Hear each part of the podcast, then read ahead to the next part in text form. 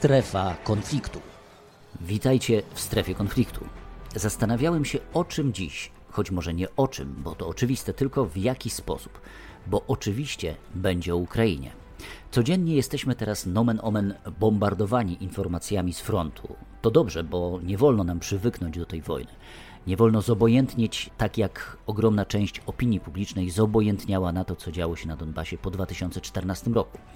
Ale informacje teraz, mam wrażenie, stają się e, coraz mniej czytelne. Ktoś, kto zna geografię Donbasu albo sięga na bieżąco chociaż po mapę, jest w stanie zwizualizować sobie tę wojnę. Ale jest to coraz trudniejsze, bo front dzieli się. Dzieli się na mniejsze odcinki, potyczki, kampanie o poszczególne miasta, miasteczka, przyczółki. E, to świadczy o jednym. Rosji w Ukrainie idzie bardzo ciężko. Minęło 100 dni, 100 dni bez osiągnięcia zakładanych celów. Wojska rosyjskie wycofały się z okolic Kijowa i z północno-wschodnich obwodów. Wycofały po to, by skoncentrować swoje siły na Donbasie. Ale czy na pewno nie udało się niczego Rosji osiągnąć? Udało się jedno. Korytarz lądowy, czyli kontrolowany przez swoje wojska pas obwodów wzdłuż Morza Czarnego. Korytarz lądowy na Krym, od wschodniej granicy przez Donbas. Dlaczego ten korytarz był taki ważny dla Kremla? Po pierwsze, dlatego, że w momencie, kiedy doszło do aneksji Krymu w 2014 roku, Krym był odcięty. Zablokowane przez Kijów dostawy wody spowodowały długotrwałe i dotkliwe susze. Dopóki nie powstał ten słynny most przez cieśninę kerczeńską, e, który połączył Półwysep z Rosją, na Krymie praktycznie nie można było prowadzić normalnego handlu, normalnego obrotu towarowego, a przede wszystkim nie można było dostarczać broni, bo przecież Moskwie o tym i na tym przede wszystkim zależało. Więc ten korytarz lądowy ma i miał zawsze swoje znaczenie. Nie udało się go otworzyć w 2014 roku, ponieważ e, Rosjanie troszeczkę przeliczyli się i nie byli przygotowani na długotrwałą wojnę. Ukraina wtedy już stawiła opór, no i wojna zakończyła się w obwodach donieckim i ługańskim, czyli na Donbasie. Teraz udało się ten korytarz utworzyć. Pytanie, czy uda się go utrzymać, bo to są dwie zupełnie różne rzeczy. Na razie ten pas spełnia podwójną rolę. Po pierwsze, rzeczywiście daje łączność z Krymem, Rosji z Krymem, a po drugie odcina Ukrainę od Morza Czarnego, co jest szczególnie dotkliwe, zwłaszcza po utracie Mariupola, kiedy, kiedy port w Odessie jest w zasadzie jedynym dużym oknem na świat, a i tak blokowanym przez Rosję, o czym dotkliwie przekonuje się w tym momencie cały świat, szczególnie Bliski Wschód i Afryka. Poza tym odcinkiem ofensywa idzie jak po grudzie, choć nie powinniśmy absolutnie lekceważyć armii rosyjskiej i zupełnie bezkrytycznie przyjmować komunikaty ze strony ukraińskiej, bo informacja to też jest pole bitwy. I ktoś kiedyś powiedział, czy zostało zapisane, nie pamiętam, nie wiem gdzie, takie bardzo mądre zdanie, że na wojnie prawda umiera jako pierwsza. I rzeczywiście tak jest. W momencie, kiedy dochodzi do zbrojnego konfliktu, gdzie są dwie ścierające się strony, o wiarygodną, rzetelną informację, o czym niejednokrotnie już mówiłem, jest bardzo trudno. Więc trzeba ważyć to, co mówią Rosjanie, ale też ważyć to, co mówią Ukraińcy. Oni też nie mogą pozwolić sobie na to, by podawać negatywne e, informacje, pesymistyczne informacje z frontu, bo morale to jest bardzo ważny i poważny argument i duża siła ukraińskiej armii. I to morale musi być silne, jeżeli Ukraina chce wygrać. Jaki mamy stan na teraz? Otóż wielka bitwa o Donbas, którą zapowiedziała Rosja, niewątpliwie utknęła. Po upadku Mariupola, który też jest miastem tego regionu, miastem Donbasu, Rosjanie skoncentrowali się na obwodzie ługańskim, bo zaledwie około 10% tego właśnie obwodu znajduje się jeszcze pod kontrolą Ukrainy. Dlaczego na obwodzie ługańskim? Otóż przed 24 lutego tzw. Tak Ługańska Republika Ludowa jedna z dwóch samozwańczych republik, zajmowała niewielką przygraniczną część tego obwodu. I jednym z celów Moskwy jest przesunięcie granic tej republiki, tego dziwnego tworu parapaństwowego, do granic obwodu ługańskiego, tego geograficznego obwodu ustanowionego na mapie Ukrainy. Te same plany Rosjanie mają wobec obwodu donieckiego, który graniczy z Ługańszczyzną od południa. Tak zwany DNR czyli Doniecka Republika Ludowa, odpowiednik Ługańskiej Republiki Ludowej, chociaż to żadne republiki i żadne państwa, E, według Putina mm, DNR ma objąć właśnie cały obwód doniecki. To okazuje się niezwykle trudne i wyniszczające dla rosyjskiej armii. W obwodzie ługańskim najbardziej zaciekłe walki trwają o 100-tysięczne miasto Sywirodonieck, które, jeśli wierząc frontowym źródłom, przechodzi właśnie z rąk do rąk. Zajęte przez Rosjan jest odbijane przez armię ukraińską, która miała wciągnąć Rosjan w zasadzkę. Sywirodonieck jest ważny dla obu stron. Jeśli Rosjanie go zdobędą, wówczas będą mieli bardzo dobrą pozycję do ataku i do zajęcia reszty obwodu ługańskiego, a także do ataku na duże miasta obwodu donieckiego. Ale Ukraińcy skutecznie im to utrudniają, także dzięki dostawom broni z zachodu. Co jest takim gorącym punktem, jak to mówią Rosjanie, na mapie wojennej w obwodzie donieckim? Na pewno Awdijiwka. To jest ważne miasto, które w zasadzie od początku wojny, od 2014 roku, leży na linii frontu. Ten front na wysokości obwodu donieckiego jest niezwykle trudny do sforsowania przez Rosjan. Dlaczego? Ponieważ przez Ukraińców był fortyfikowany przez lata wojny na Donbasie. Przez 8 lat budowano tam pola minowe, zasieki, umocnienia, okopy, bunkry. I to wszystko teraz dla Rosjan jest poważnym problemem. Dlatego próbują właśnie od południa obejść armię ukraińską albo od północy, od strony obwodu ługańskiego także dostać się na tę drugą stronę tych umocnień. Więc to jest bardzo poważny problem. Dlatego wszystkie siły Rosji teraz koncentrują się w obwodzie ługańskim, wokół Siewierodoniecka, tak jak mówiłem. Siewierodonieck leży niedaleko granicy z Rosją, ponieważ to mogą być wrota do rozwinięcia ofensywy. Jak ta ofensywa się będzie rozwijała? No myślę, że o tym zdecydują najbliższe tygodnie, bo na Ukrainę płynie cały czas zachodnia broń. Oczywiście nie w takich ilościach i nie tak szybko, jak Ukraińcy by sobie tego życzyli. To nie jest tak zupełnie fantastycznie, że Ukraińcy dostają e, lawety pełne sprzętu, wypakowują na linii frontu, a potem walą z armat po rosyjskich czołgach. Tak nie jest. Ukraińcy mają swoje problemy i te problemy niestety z czasem będą coraz wyraźniejsze. E, na pewno takim problemem jest e, postawa niektórych, podkreślam niektórych jednostek obrony terytorialnej. Obrona terytorialna to były te formacje, które były zawiązywane e, na dużą skalę przed wybuchem i wkrótce po wybuchu wojny 24 lutego. Ja podaję tę datę, bo e, to tak naprawdę 24 lutego nie jest e, datą wybuchu tej wojny, jest datą, kiedy ta wojna przybrała zupełnie nową formę ale jak wiemy, ta wojna trwa od 2014 roku.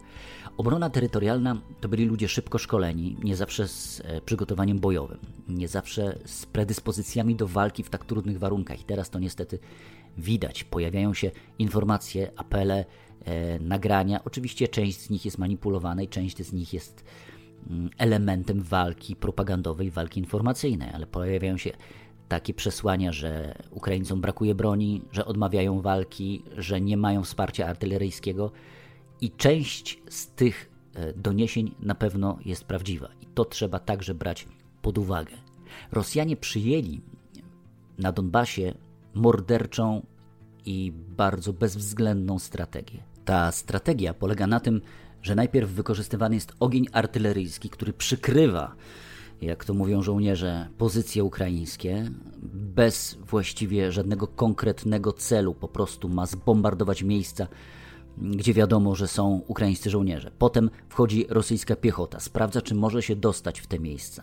Jeżeli może, zajmuje. Jeżeli nie, wraca, wycofuje się i znowu następuje nawała ogniowa artyleryjska. To dość mało wyrafinowany sposób prowadzenia walki, ale niestety w tej wojnie, jak widać, momentami dość skutecznie, choć te postępy Rosjan rzeczywiście nie są takie duże, jakich można się było spodziewać. Ukraińska armia podaje, że na wojnie zginęło już ponad 30 tysięcy rosyjskich żołnierzy. To jest liczba trudna do zweryfikowania. Oczywiście Rosjanie mają swoje dane na ten temat. Natomiast prezydent Zełański otwarcie powiedział, że dziennie na froncie ginie od 60 do 100 ukraińskich żołnierzy. I to pomnożone przez e, liczbę dni tej kampanii daje pewne wyobrażenie strat po tej właśnie stronie. I o ile straty sprzętowe w broni, w czołgach, w artylerii można uzupełnić, tak straty ludzkie uzupełnić jest bardzo trudno. To, co pojawia się też w tych przekazach płynących z ukraińskiej wojny, to taki portret tępego sowieckiego soldata, który kradnie pralkę, pakuje na czołg i wyjeżdża. Ale przestrzegam przed takim podchodzeniem do wojny, niezależnie od tego, jaki jest. Przeciwnika nigdy nie wolno lekceważyć. I poza tymi tępymi soldatami, którzy oczywiście trafiają się w armii, zwłaszcza wśród tej armii z Dalekiego Wschodu, która jest gnana w kamasze na Ukrainę, są też jednostki dobrze wyszkolone, dobrze walczące, przygotowane do walki mm, w każdych warunkach. I one, i te jednostki są szczególnie niebezpieczne. Mówię tutaj między innymi o grupie Wagnera, prywatnym oddziale wojskowym, dobrze wyposażonym, wspieranym oczywiście po cichu przez Kreml, świetnie wyszkolonym, który ma za sobą doświadczenie bojowe między innymi wcześniej na Donbasie, ale także w Syrii, w Libii. Ci ludzie walczyli, wiedzą jak walczyć i są śmiertelnie niebezpieczni. Podobnie e, kadyrowcy, oczywiście kadyrowcy, czyli mm, oddziały czeczeńskie, mm, e, którym przewodzi, e, może nie bezpośrednio, nie militarnie, ale na pewno duchowo także i administracyjnie Ramzan Kadyrow, czyli ten przywódca Republiki Czeczeńskiej, absolutnie marionetkowa, śmieszna, wręcz karykaturalna postać, zależna od Kremla, ale ma dobrych żołnierzy. Oczywiście nie są nieśmiertelni, nie są niezniszczalni, co pokazywali i co pokazują cały czas Ukraińcy. Między innymi pod Kijowem zginęło bardzo dużo kadyrowców. Walczyli także o Mariupol, gdzie okazali się bardzo bezwzględni. E, mówi się o tym, że właśnie kadyrowcy stanowią te oddziały dyscyplinujące pozostałe jednostki rosyjskie. Krótko mówiąc, jeżeli ktoś nie chce walczyć, no to kadyrowcy potrafią go do tego zmusić. Teraz wiadomo o tym, że jednostki czeczeńskie walczą także w Siewierodoniecku, nawet ogłosiły już swego czasu zdobycie miasta, co okazało się nieprawdą. Chciałem jeszcze wspomnieć przy okazji tej audycji o Syrii. No właśnie, zastanawiacie się, co wspólnego ma wojna w Ukrainie z wojną w Syrii. Zaskakująco dużo. Kiedy przyjrzeć się temu bliżej, okazuje się, że wojny te są wojnami powiązanymi. Skąd to się bierze? Bierze się to z tego, że niestety im dłużej trwa ta wojna, tym ta jedność Zachodu jest mniej monolityczna.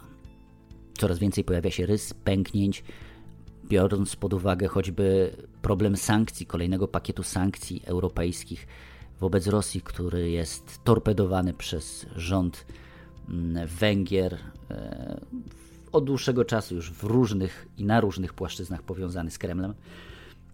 No ale mamy też jeszcze NATO. I NATO też, chociaż mówi się o jedności, nie jest do końca takie zjednoczone. Być może w kontekście i w sprawie Ukrainy tak, ale w sprawie poszerzenia sojuszu już nie. Pamiętacie pewnie, że o przyjęcie do sojuszu stara się teraz, mm, starają się teraz dwa państwa, Szwecja i Finlandia. I pamiętacie, wiecie o tym na pewno, że właśnie Turcja, czyli druga armia NATO, potęga w sojuszu, jest temu przeciwna. A to bezpośrednio może nie, ale pośrednio wiąże się właśnie z tym, co dzieje się w Syrii. Warto wspomnieć o tym, że prezydent Turcji Recep Tayyip Erdoğan od dłuższego czasu w Syrii prowadzi swoją bardzo agresywną politykę. I w pewnym sensie sojusz przymyka oko, że jeden z sojuszników, ważnych sojuszników obronnego sojuszu, de facto okupuje dużą część północnej Syrii, prowadzi swoje zaczepne działania wojenne przeciwko jednostkom syryjskich partyzantów, syryjskich Kurdów dokładnie w tamtej części kraju i prowadzi od dłuższego czasu. I teraz wygląda na to, że Recep, Recep Tayyip wykorzystując to, że tak naprawdę zależy od jego głosu to, czy sojusz się powiększy, próbuje wywalczyć zielone światło dla dalszego swojego działania w północnej Syrii. O co chodzi Turcji w północnej Syrii? Kurdowie, problem turecki od dawna. Kurdowie, naród bez własnego państwa, rozdzielony właściwie przez czas i przestrzeń. Część Kurdów żyje w Syrii, część w Iraku, część w Iranie, część w Turcji. W Turcji od dawna są traktowani jako mm, organizacja, dokładnie Partia Pracujących Kurdystanu jest e, traktowana jako organizacja terrorystyczna i zwalczana bezwzględnie. Kurdowie syryjscy to milicje bardzo waleczne i bardzo ważne dla Stanów Zjednoczonych, ponieważ byli E, były głównym sojusznikiem USA w walce z państwem islamskim w Syrii. I tak długo jak Stany Zjednoczone wspierały syryjskich Kurdów, tak długo Turcy nie odważali się na to, by w jakiś sposób uderzać czy zajmować kurdyjskie terytoria w Syrii. A dlaczego chcą zajmować kurdyjskie terytoria w Syrii? Ponieważ uważają, że mm, milicje JPG i JPŻ, czyli męskie i żeńskie oddziały kurdyjskich partyzantów, kurdyjskich milicjantów właściwie, bo trudno mówić tutaj o partyzantce, są powiązani i są zapleczem PKK, czyli Partii Pracujących Kurdystanu. Ankara wychodzi też z założenia, i zapowiedziała to już dawno, że utworzy w północnej Syrii 30-kilometrowy pas bezpieczeństwa, który chce kontrolować. Ten pas bezpieczeństwa tak naprawdę ustanawia już od dłuższego czasu. Po raz pierwszy w 2016 roku ruszyła operacja Tarcza Eufratu, kiedy to Turcja tak naprawdę weszła na terytorium Syrii, z którą graniczy od południa. Bardzo głęboko ustanowiła swoje posterunki, bazy wojskowe. Później była operacja Gałąź Oliwna i zajęcie kurdyjskiego kantonu Afrin, absolutnie pokojowo nastawionego kantonu. Zachęcam do obejrzenia e, na kanale Strefa Konfliktu filmu dokumentalnego Afrin Zdradził nas świat. Tam dokładnie ten konflikt jest opisany. To były kolejne lata 2016-2018. No i później przyszedł rok 2020 i operacja e, Źródło Pokoju, czyli zajęcie kolejnych terytoriów północnej Syrii. E, Erdogan działa w ten sposób, że w momencie, kiedy Stany Zjednoczone nie patrzą albo są zajęte e, czymś zupełnie innym, na przykład wycofywaniem wojsk z północno, północno-wschodniej Syrii, kiedy mm, miało to miejsce w 2018 roku po decyzji mm, Donalda Trumpa, wtedy także potraktował to jako przyzwolenie do ataku. No i teraz wygląda na to, że spodziewa się właśnie takiego przyzwolenia, cichego, nieformalnego, reszty sojuszu na jego działania w północnej Syrii i dalszą pacyfikację Kurdów.